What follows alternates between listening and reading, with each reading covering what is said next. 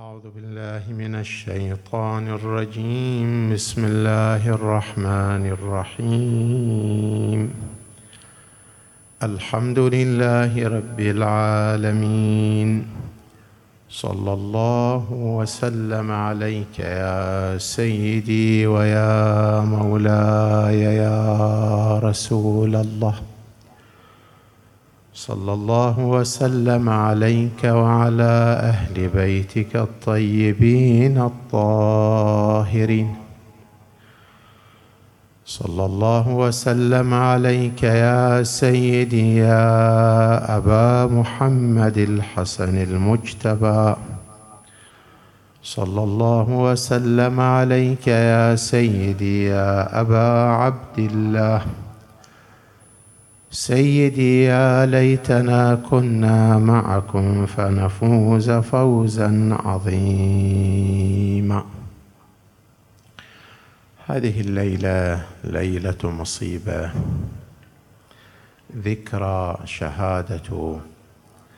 السبط الأول لرسول الله صلى الله عليه وآله أبي محمد الحسن المجتبى عليه وعلى جده وأبيه وأمه وأخيه أفضل الصلاة وأزكى التسليم.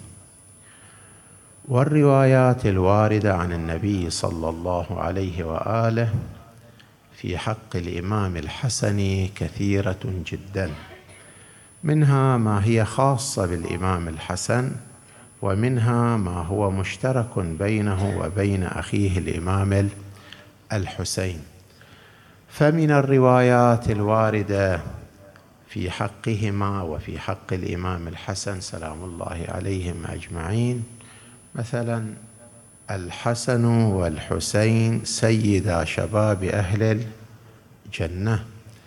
الحسن والحسين إمامان قاما أم قعدا وورد في حق الإمام الحسن أيضا ورد في هذا النص في حق الإمام الحسين حسن مني وأنا منه. أحب الله من أحبه. اللهم إني أحبه فأحب من يحبه. لو كان العقل رجلا لكان ابني الحسن. وروايات كثيرة في فضل الإمام الحسن وفي مقام الإمام الحسن يذكرها النبي صلى الله عليه وآله وسلم. من هذه الروايات ما يرويه ابن شهراشوب عن النبي صلى الله عليه وآله وسلم في حق الإمام الحسن يقول هو سيد شباب أهل الجنة رواية عن النبي صلى الله عليه واله وحجة الله على الأمة أمره أمري وقوله قولي من تبعه فإنه مني ومن عصاه فإنه ليس مني إلى آخر الرواية. هذه الليلة نسلط بعض الضوء على جزء من حياة الإمام الحسن عليه أفضل الصلاة وأزكى التسليم. الإمام الحسن كما تعلمون ولد في السنة الثالثة للهجرة واستشهد في سنة في السنة الخمسين إلى الهجرة فيكون عمره الشريف كام؟ سبعة وأربعون سنة. 47 سنة عمر الإمام الحسن سلام الله عليه. إحنا بنتكلم عن فترة بسيطة من حياة الإمام الحسن وهي الفترة الواقعة بعد وفاة أو بعد شهادة أمير المؤمنين سلام الله عليه إلى ما بعد الصلح مع معاوية. تعلمون بأنه بعد شهادة أمير المؤمنين من ولي أمر المسلمين هو الإمام الحسن واستمرت خلافته سبعة سبعة أشهر. استمرت فترة خلافته سبعة أشهر. ثم اضطر إلى الصلح مع معاوية. وهذه الفترة فترة بحث طويل بين بين ال الكتاب أنه لماذا الإمام الحسن صالح معاوية؟ ما الأسباب التي دعت الإمام الحسن إلى إلى الصلح؟ ونحن حينما نبحث في هذا الجانب لا لكي نحاكم فعل الإمام الحسن حاشا أن نكون يعني نحاكم فعله وهو المعصوم. وإنما نذكره من أجل أن نأخذ منه العبرة من أجل أن نستقي العبرة والأسوة والقدوة من حياته لأن فعله وقوله وتقريره حجة على الأمة. فبالتالي لا بد أن ندرس حياة هؤلاء المعصومين عليهم السلام من أجل أن ماذا؟ من أجل أن نستنير بهداهم ونستنير بسيرتهم. أذكر ثلاث روايات عن الإمام الحسن سلام الله عليه يبين فيها الأمر الذي ألجأه إلى إلى الصلح. من هذه الروايات الرواية الأولى الإمام سلام الله عليه يبين أن سببه للصلح هو حفظ شيعته من القتل. يدخل عليه أحد شيعته كما يروي الشيخ الصدوق في كتابه علل الشرائع ويسمى أبي سعيد عقيصه هذا سأل الإمام الحسن سلام الله عليه عن سبب السبب الذي دفعه إلى الصلح.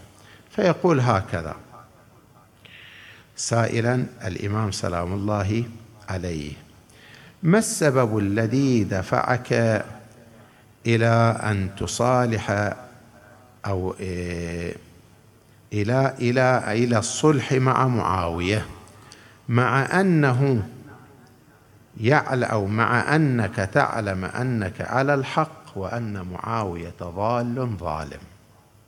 فالإمام يجيبه قال عليه السلام يا أبا سعيد ألست حجة الله على ألست حجة الله تعالى ذكره على خلقه؟ فالمقتضى روايات الإمام النبي صلى الله عليه وآله وسلم. الحسن والحسين إمامان قاما أم قعد. أيضا الرواية التي افتتحنا بها الحديث وهي أن الرسول صلى الله عليه وآله وسلم يقول الحسن حجتي على أو الحسن حجة على على الأمة. يعني كلامه قوله حجة على الأمة يجب على الأمة أن تتبعه فيما فيما يقول وفيما يفعل وفيما يأمر. فالإمام سلام الله عليه يقرر هنا يبين إلى هذا أبي سعيد يقول له ألست حجة الله؟ زين فأنا إذا كنت حجة الله يعني واجب عليكم شنو؟ طيعوني وتسمعون كلمتي دون أن تناقشوا. المفروض ما تناقشون في في أي فعل أتخذه. فيقول عليه السلام ألست حجة الله؟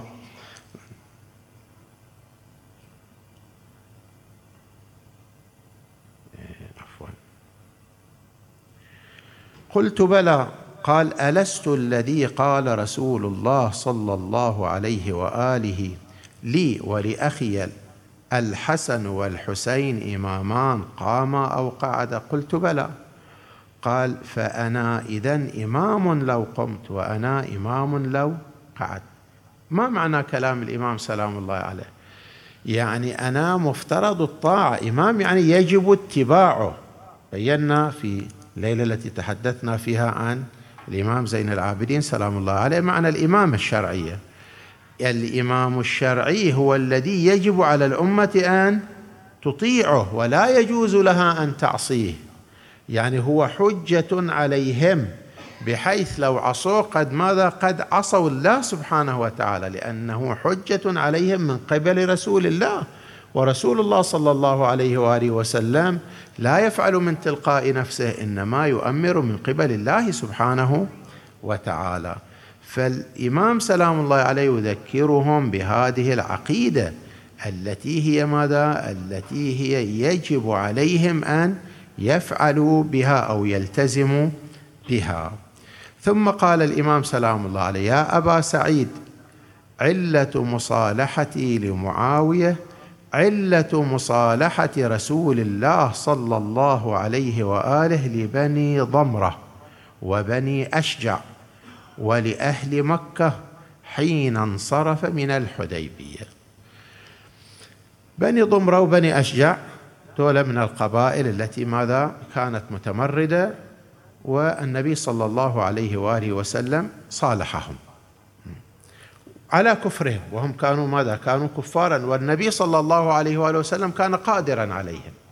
كان يقدر على ماذا؟ على غزوهم وإلجاؤهم إلى إلى الإسلام.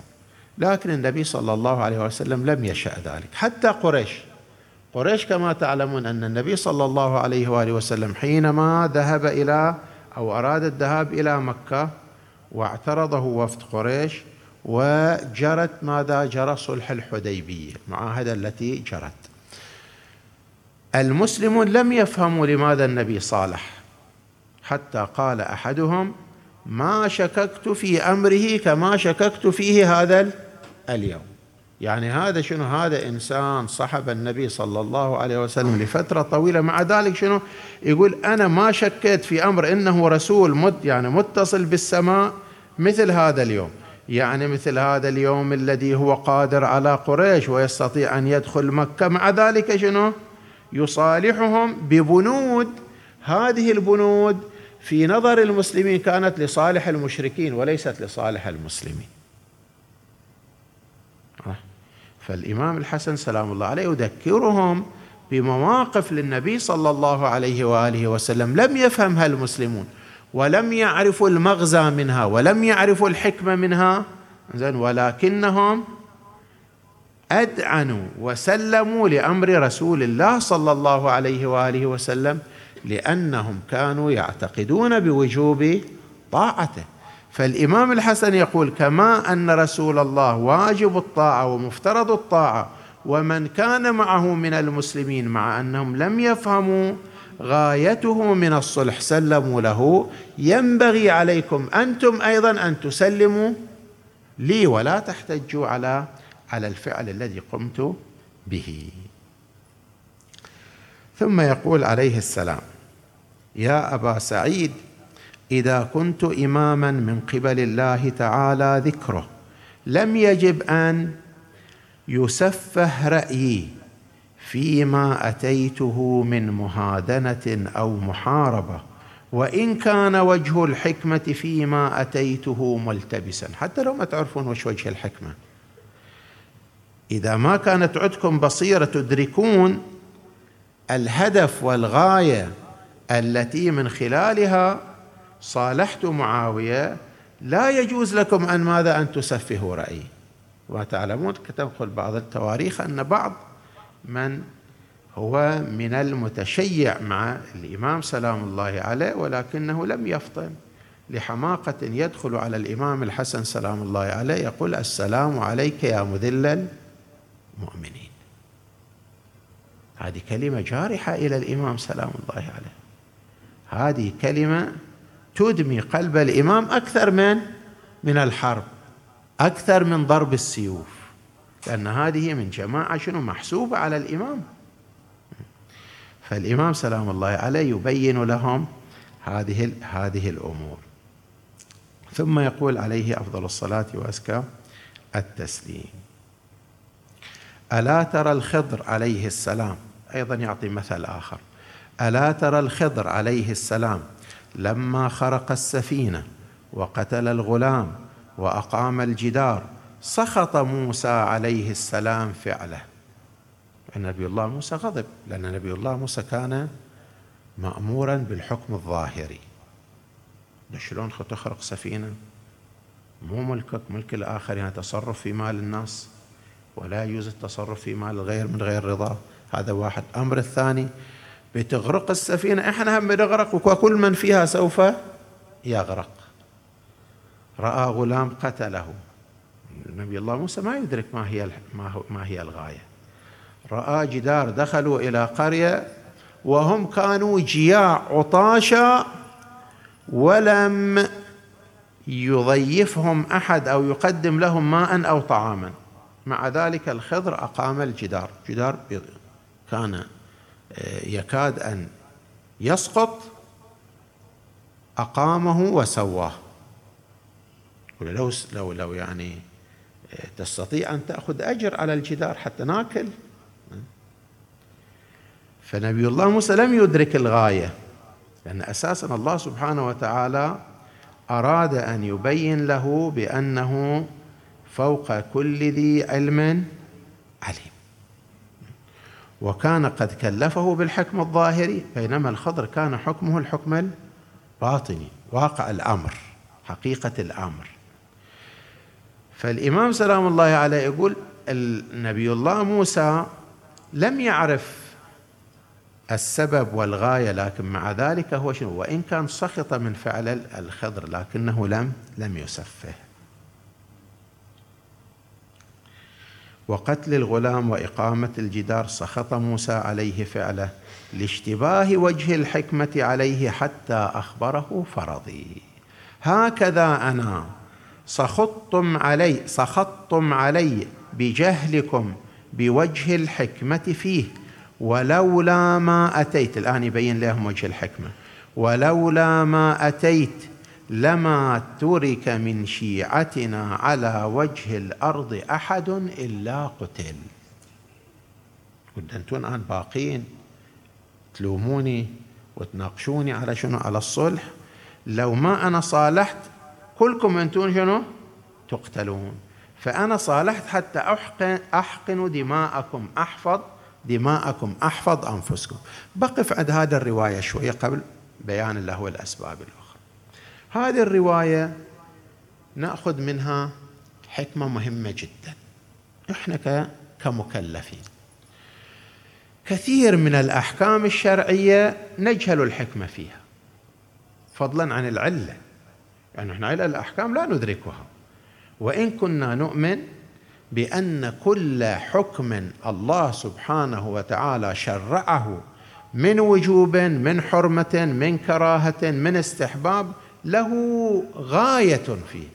يعني الحرمة مترتبة على مفسدة والوجوب مترتب على مصلحة. غاية الأمر إحنا لا ندرك المصلحة في هذا الفعل الذي أوجبه الله سبحانه وتعالى علينا. ولا ندرك المفسدة في الحرمة التي نهانا الله سبحانه وتعالى يعني الفعل الذي نهانا عنه. لكن لا يجوز لنا أن لا نمتثل. إذا قامت الحجة على أن هذا الفعل واجب وهذا الفعل حرام. الإمام يقول لهم شنو؟ ما دام الحجة قائمة عليكم فلا بد أن تمتثلوا. حتى لو كان شنو؟ أمر ظاهري موقف ظاهري. أمر يتعلق بالحرب أو بالسلم أو ما شابه. لكن باعتبار أن الذي اتخذ هذا القرار حجة على الأمة يجب على الأمة أن أن تمتثل. واضح؟ كذلك في الأحكام الشرعية الفقهاء حجه على الأمة. أنا صحيح الآن شنو؟ لا أرى الإمام المعصوم ولا أستطيع أن أتصل بالإمام المعصوم لكن الأئمة سلام الله عليهم نصبوا الفقهاء علينا حجة. فالذي قوله حجة فيما يتعلق بالأحكام الشرعية هو من؟ هو الفقيه. فإذا الفقيه قال مثلا يجب عليك أيها الإنسان أو أي كذا أن تفعل هذا الأمر. هذا واجب في الشريعة الإسلامية. واجب في الشريعة مثلا أن تحج إذا كنت مستطيعا.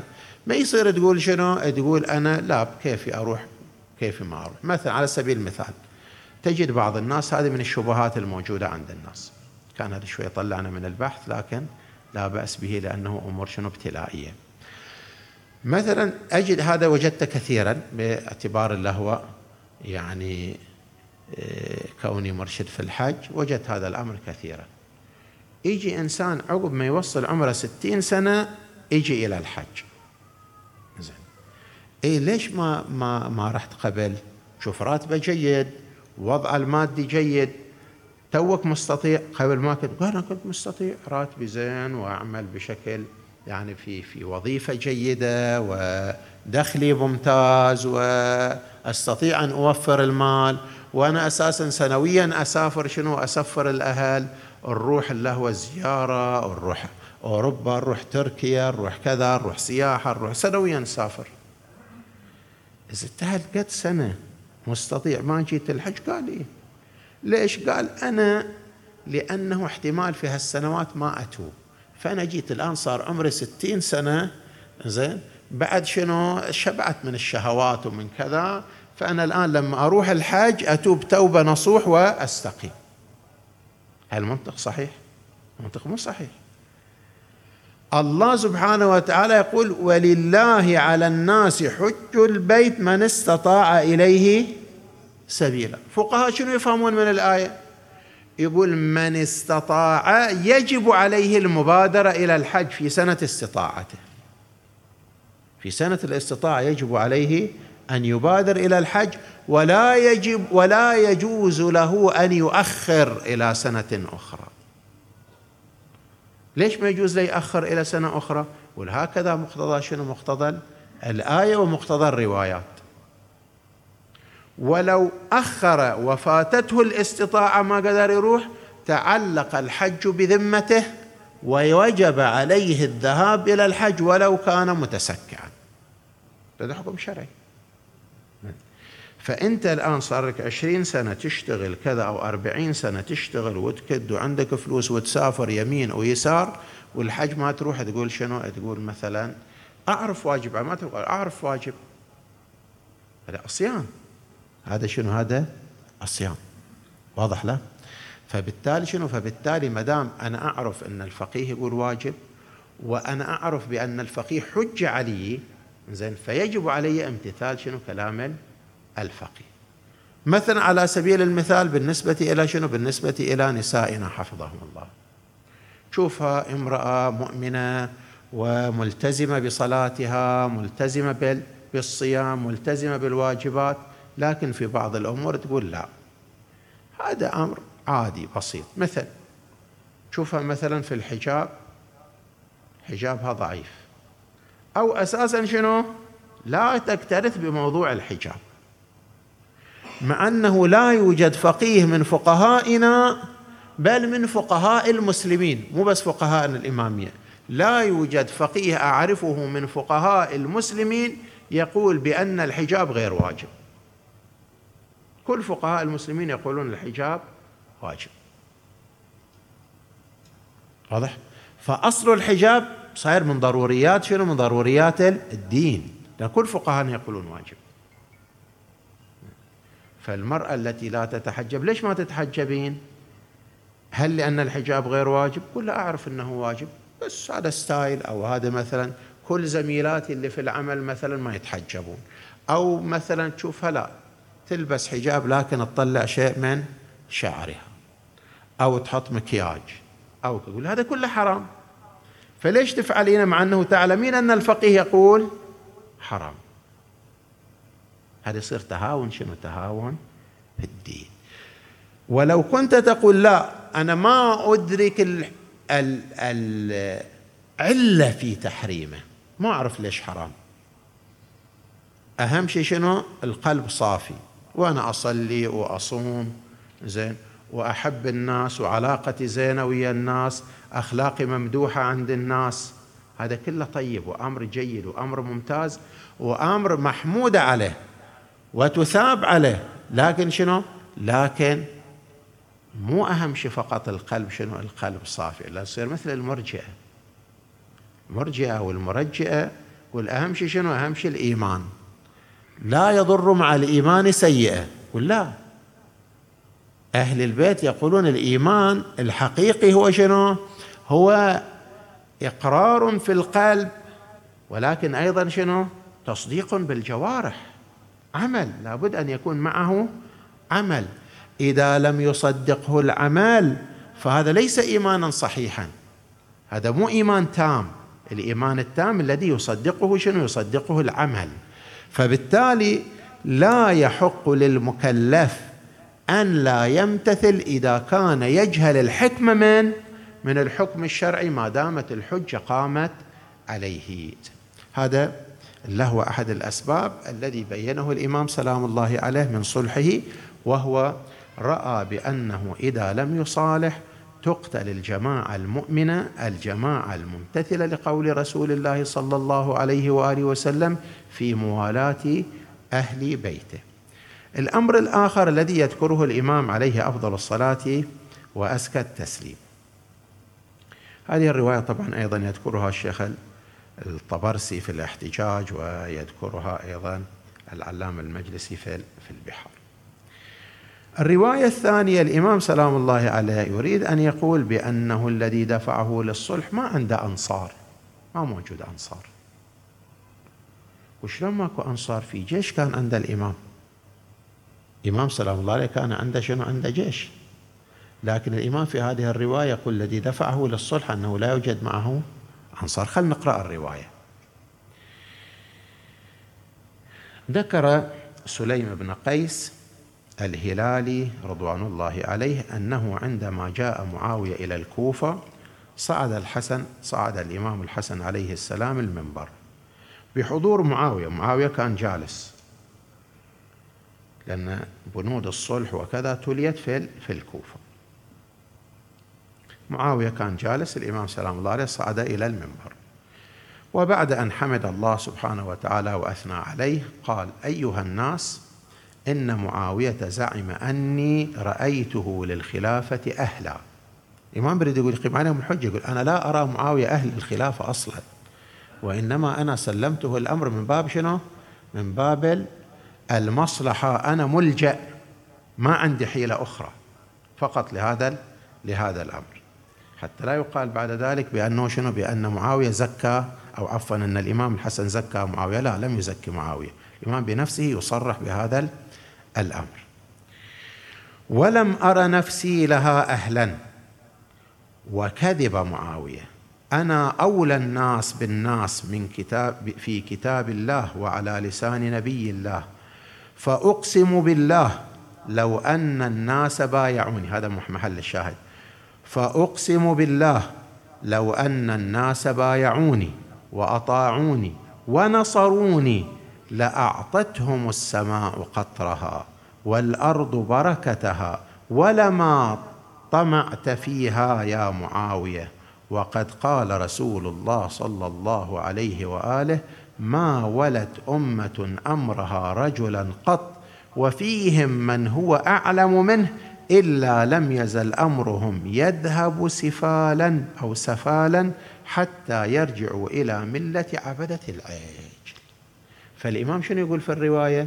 يقول أنا لأن ما عندي أنصار صالحتك ولا لو كان عندي أنصار أنت لست أهل للخلافة مو فقط مو أحسن مني بالخلافة أنت لست أهل للخلافة واضح فالإمام اذا السبب الثاني شنو؟ أن ما عنده أنصار للأسف يعني داهمنا الوقت بعد بناخذ السبب الأخير حتى يكون الذي جاء على لسان الإمام سلام الله عليه. في الرواية الثالثة الإمام سلام الله عليه يذكر سببا أو يذكر عفوا سببين. السبب الأول أنه يريد أن يحقن دماء المسلمين. السبب الثاني أنه يريد أن يدرأ الفتنة. شلون يحقن دماء المسلمين؟ أن معاوية لو تمكن أول حرب حرب يعني فيها شنو؟ فيها قتل. ولو تمكن معاوية من آه الظفر والغلبة بالرواية الأولى سوف يقتل كل شيعة أمير المؤمنين سلام الله عليه بما فيهم الحسنين الإمام الحسن والحسين وأبناء أمير المؤمنين سلام الله الفتنة أن جملة من الذين كانوا في الكوفة وهم من الخوارج وبعضهم شنو؟ وبعضهم ممن يعني يعتبر من الصحابة أساسا هؤلاء شنو؟ كانوا يجهلون الواقع. أو كانوا شنو يعرفون الواقع لكن كانت في نفوسهم شيء على أمير المؤمنين وأبنائه. أهم مثلا في معركة صفين في معركة الجمل في معركة النهروان ضد الخوارج. وين كان أبو موسى الأشعري؟ اقرأوا تاريخ أبو موسى الأشعري أو أبو موسى الأشعري عند القوم. يمجدونه ويرفعون إلى السماء. وفتنة التحكيم أساسا شنو؟ أوقع الناس فيها زين وجعل يعلو شأن معاوية أبو موسى الأشعري وعدم حكمته وعدم فهمه وجهله بالواقع. فالناس فيها ناس مثل هؤلاء مثل شمر مثل حجار بن أبجر مثل شبث بن ربعي مثل كذا. هؤلاء أساسا كانوا شنو؟ كانوا يتراسلون مع معاوية. كانوا عندهم مراسلات مع مع معاوية وكانوا يقولون له إن شئت نسلمك الحسن. زين؟ يدا بيد. دول عندهم أتباع عندهم قبائل عندهم كذا. زين؟ وفي نفس الوقت شنو؟ على غير رأي أهل البيت. ومحسوبين على جيش الإمام الحسن فبالتالي تكون لهم كلمة شنو؟ نافذة في خلق البلبلة في صف جيش الإمام الحسن. فالإمام سلام الله عليه أراد أن يدرأ الفتنة نقرأ هذه الرواية وأختم حتى لا أطيل على الإخوة باعتبار مرتبطين أيضا بموعد العزاء.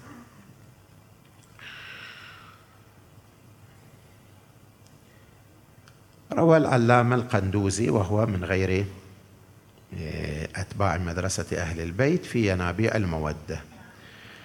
قال إن الإمام الحسن عليه السلام ألقى في الناس خطابا جاء فيه أيها الناس قد علمتم أن الله جل ذكره وعز اسمه هداكم بجدي وأنقذكم من الضلالة وخلصكم من الجهالة وأعزكم به بعد الذلة وأكثركم به بعد القلة وأن معاوية نازعني حقا هو لي دونه. فنظرت لصلاح الأمة وقطع الفتنة وقد كنتم وقد كنتم بايعتموني على أن تسالموا من سالمني وتحاربوا من حاربني. فرأيت أن أسالم معاوية وأضع الحرب بيني وبينه وقد صالحته ورأيت أن حقنا الدماء خير من سفكها ولو أراد ولو ولم أرد بذلك إلا صلاحكم وبقاءكم. فإذا الإمام سلام الله عليه كان باعتبار يرى أن الكفة تميل إلى معاوية ولو واصل في الحرب سيكون هناك قتل إلى كثير من من المؤمنين الذين كان ينبغي أن يبقوا حتى شنو؟ حتى يبينوا الإسلام وينشروا. عندنا عده من الأمور اسئله وبنود بنود الصلح. عندنا النتائج التي ترتبت على صلح الإمام الحسن ولكن باعتبار أن الوقت داهمنا نكتفي بهذا المقدار. طبعا الإمام الحسن سلام الله عليه إمام معصوم مفترض الطاعة كما يعلم ذلك من وصلت إليه هذه الروايات وآمن بها. فأنت الآن أيها المؤمن أيتها المؤمنة؟ لو كان عندك شخص موجود تشوفه وتراه بينك بين ظهرانينا وتعلم أن النبي صلى الله عليه وآله وسلم قال فيه أنه سيد شباب أهل الجنة. هذا الإنسان لو أصيب بشوكة لو أصيب بمرض أو أصيب بكذا تتأذى لذلك أم لا؟ هذا أمر يعني يتادى له المؤمنون. عن فقيه من فقهائنا العظام مراجع اللي لهم دور في إحياء أمر الأمة. لو يصاب بوعكه شوف الأمة كلها شنو محبين كلهم في في حوز. الإمام سلام الله عليه بعد أن سقي السم بقي أربعين يوما على فراش المرض. أربعين يوم كان يعاني من من ألم ذلك السم حتى قالت بعض الروايات أنه وصل إلى حد أنه كان يتقيأ قطعا من أحشائه. كان يتقيأ قطع من أحشائه لشدة حرارة ذلك السوم. نسأل الله سبحانه وتعالى أن يحشرنا مع أبي محمد الحسن سلام الله عليه. ويثبتنا ويثبتنا على ولايته وولاية جده وأبيه وأمه وأخيه والتسعة المعصومين من ذرية الحسين عليه السلام وأن لا يحرمنا في الآخرة شفاعتهم. وآخر دعوانا أن الحمد لله رب العالمين وصل اللهم على محمد وآله الطاهرين.